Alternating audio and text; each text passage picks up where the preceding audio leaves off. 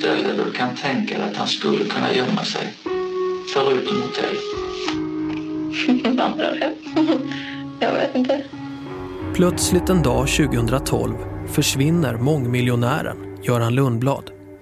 Innerst inne så hade man väl någon misstanke om att det här stod inte rätt till på något vis. Både polis och Görans ena dotter misstänker att något inte står rätt till. Misstänkte du att Sara hade någonting med Görans försvinnande att göra? När jag insåg det när jag stod i huset, för jag frågade henne eh, vad har hänt med liksom, pappas rum? Eh, är det matsal här? Och då sa hon att hon inte vill bli påmind om honom.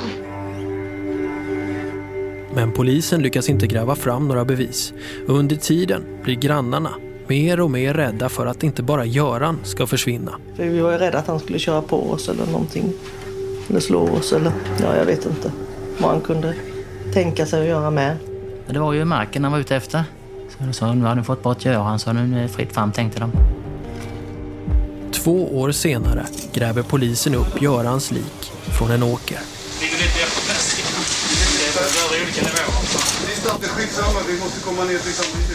Det här är en historia som många anser var uppklarad. Det blev långa fängelsestraff för det par som åtalats för mordet på en 63-årig man norr om Kalmar. Uppklarad för att Görans andra dotter Sara och hennes pojkvän Martin dömts för mordet på Saras pappa Göran av en enig tingsrätt och hovrätt.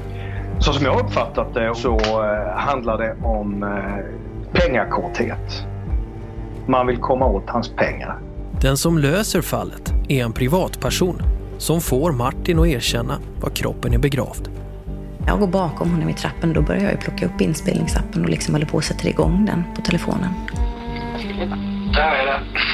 Du ser kanten där. Men Martin berättar också att det är han och Sara som dödat Göran. Men den delen av erkännandet spelas inte in. Och det är när Martins historia återberättas för rätten som inte bara Martin binds till mordet utan också Sara. Det kan finnas en, en, en skakighet i hur man binder dottern till det här.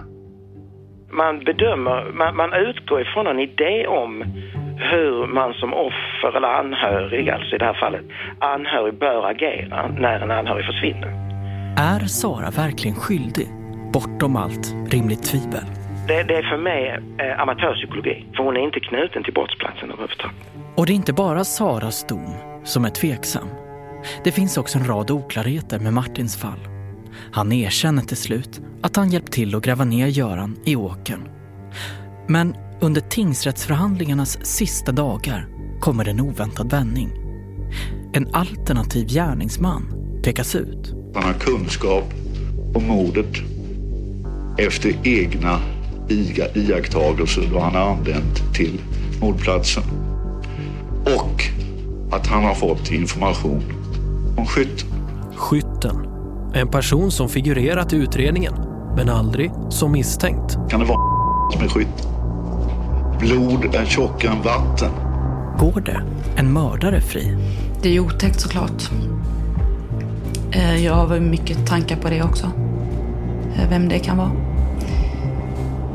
Eh, Och jag vet ju vem han syftar på. Det här är Spår om förlösa mordet med Anton Berg och Martin Jonsson. Premiär 31 oktober.